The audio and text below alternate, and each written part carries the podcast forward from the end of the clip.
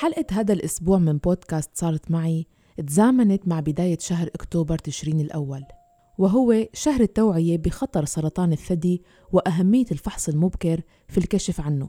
وبتستمر في حملات بنشر الوعي بين النساء والرجال لتجنب الإصابة بهالمرض من خلال إجراءات بسيطة للوقاية منه وعلاجه في مراحل مبكرة. يعد سرطان الثدي أكثر أنواع السرطان شيوعاً في العالم بعد سرطان الرئة وهو الأول عند النساء عالمياً. خلال شهر أكتوبر تشرين الأول عام 2018 بأحد برامجنا المباشرة خصصنا حلقة لقصص سيدات أصبن بسرطان الثدي حدثونا فيها مباشرة عن الصراع معه.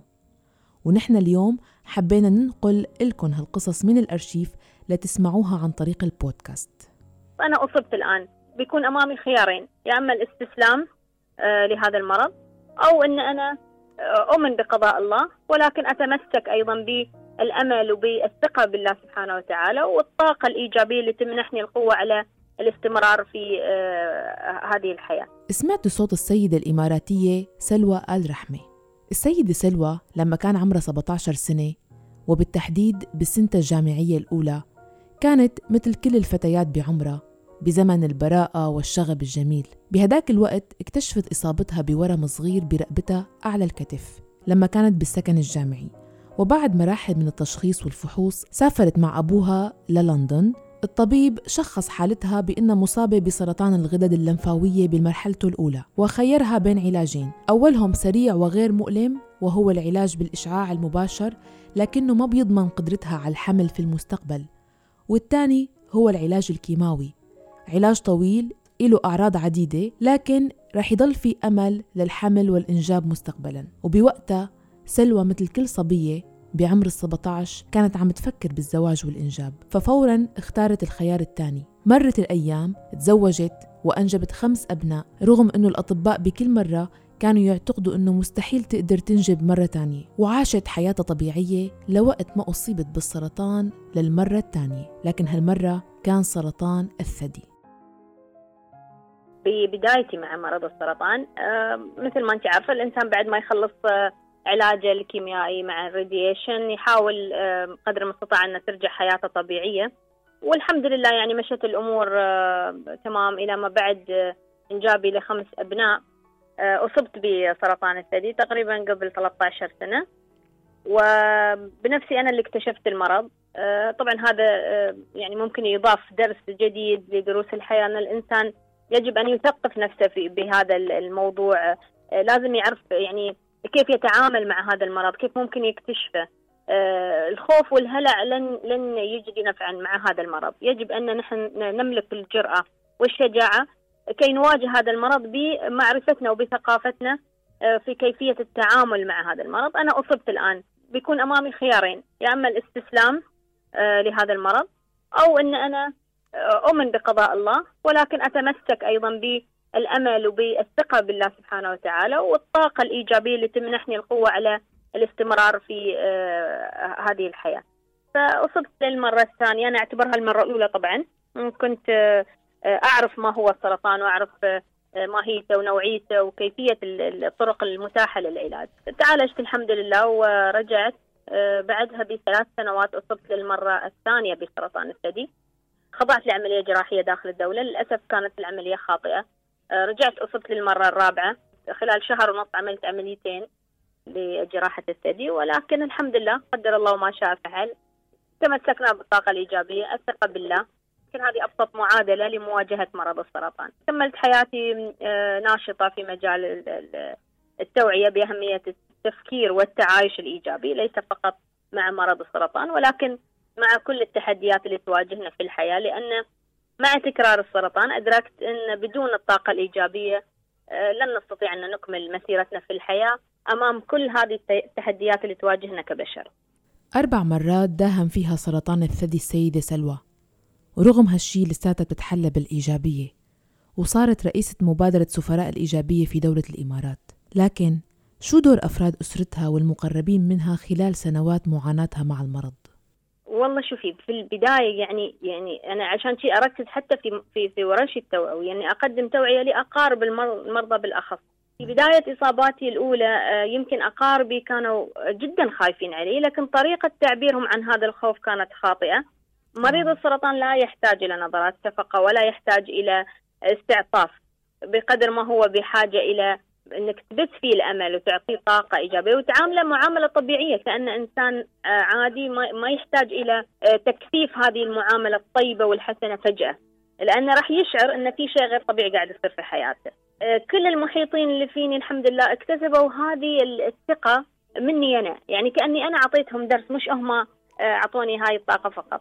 صار كلهم يفخرون فيني، زوجي كان يمكن اول أول واحد خاف من من النتيجة يعني وكان دائما كل مرة اللي كنت أصاب فيها بالسرطان آه، بالفعل كان ينهار بشكل رهيب. آه، خوفا من أنا خلاص راح أموت يعني. السيدة سلوى بتأكد دائما على عدم ربط الإصابة بسرطان الثدي بالموت وبالحديث عن زوجها خبرتنا عن مفارقة مؤسفة حصلت بحياتها. إنه هو اللي إنسان اللي ما في أي شيء ولا لم لم يكن يعاني من أي شيء هو الذي توفي. مؤخرا. سبحان الله يعني كان نايم وفارق الحياة بدون ما يكون يعاني من أي مرض. فهذا مثل ما تقولين كأنه درس جديد يضاف لي أيضا أنه مش شرط الإنسان المريض هو اللي يموت لكن الإنسان الطبيعي ممكن حتى عادي في أي لحظة ما حد ضامن نفسه. الظروف اللي تحيط فيه هي اللي تساعد على أن هذه الفكرة تعشش في مخ المريض. أحيانا يمكن المرض ليس بهذه الخطورة اللي ممكن يتصورونها لكن الخوف والهلع الشديد من هذا المرض قد يحول الحالة النفسية إلى مؤثر سلبي على حالته الحقيقية. تفاقم المرض. كيف قاومت السيدة سلوى المشاعر السلبية تجاه سرطان الثدي؟ وكيف واجهت الصراع اللي بتعيشه حول الشعور بالأنوثة والمرض؟ شوفي آه نحن آه في النهاية دائما أكرر وأقول إن نحن بشر آه لسنا ملائكة. بالتأكيد رح نتأثر رح نحزن رح ننكر هذه الحالة نحن نوصل لها. لكن لما نكون ناس نملك من الطاقة الإيجابية الكثير راح نتعلم كيف نتعافى سريعا من كل كبوة نطيحها فقط هي الطاقة الإيجابية التمسك الثقة بالله سبحانه وتعالى الثقة بالنفس والثقة بالآخرين. هي هذه المعادلة البسيطة اللي تجعلنا ناس إيجابيين قادرين بالفعل على أن نحن نصارع كل التحديات اللي تواجهنا في الحياة.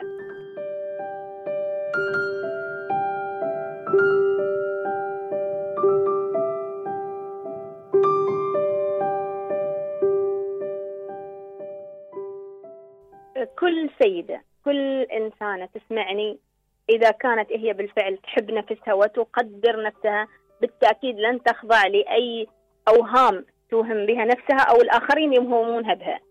فكيف أنا أقدر أتجاوز هذه الأوهام بالفحص الدوري أو الفحص المبكر؟ بالتأكيد راح ينقذني إذا الله كاتب لي النجاح ممكن يخفف عني الكثير في حال حتى لا سمح الله كنت مصابة. لكن في النهاية أنا راح أوصل إلى إلى آه، إجابة صحيحة بدون ما ألف وأدور على نفسي ولا أنا مصابة لا أنا مش مصابة. راح أطمئن داخليا أن خلاص أنا عرفت اللي فيني إذا راح أعرف الآن أدرس شو هي الإمكانيات المتاحة لي للعلاج. أو أنه راح أطمئن أن أنا الحمد لله ما فيني أي شيء وأن كانت هاي مجرد آه، أوهام آه، يعني اتخذها في, في, في تفكيري. هذا الكلام وجهته السيدة سلوى لكل المستمعين من سنتين واليوم بعد مرور عامين تواصلت معها وحسيت بصوت الأمان والإيجابية يلي لمستهم عندها من بداية تعرفي عليها. سألت عن أحوالها وطلبت منها تخبرنا شو صار خلال هالسنتين.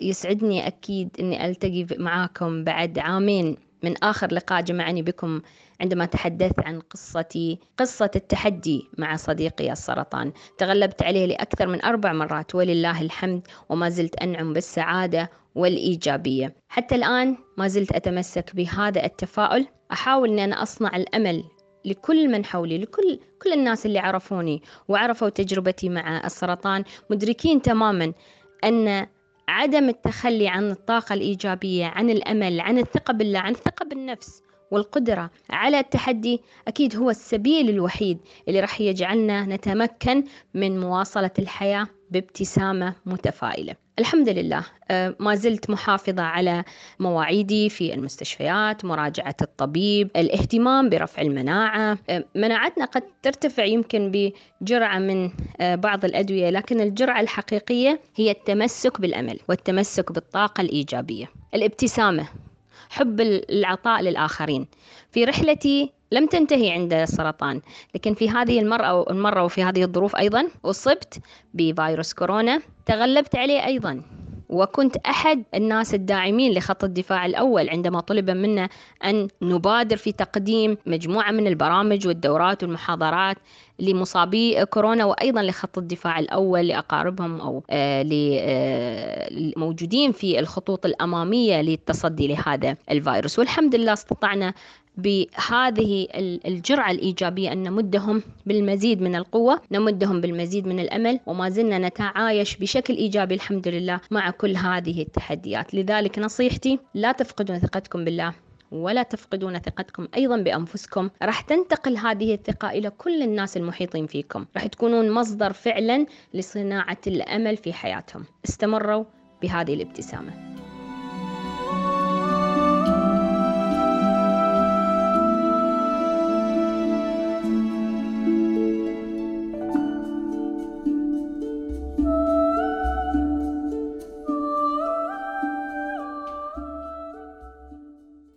في ختام حلقتنا أصدقائي وصديقاتي بدي أدعيكم خلال شهر أكتوبر تشرين الأول أنه تشاركونا قصص وتجارب من حولكم لسيدات أصبن بسرطان الثدي. وبكل الأوقات راسلوني دائما عبر الواتساب على الرقم 00 971 568 531 592 واسمعونا دائما من خلال موقعنا الآن dot FM كل منصات البودكاست ال SoundCloud وتطبيقي Deezer وأنغامي.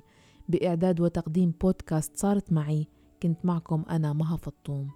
إلى اللقاء.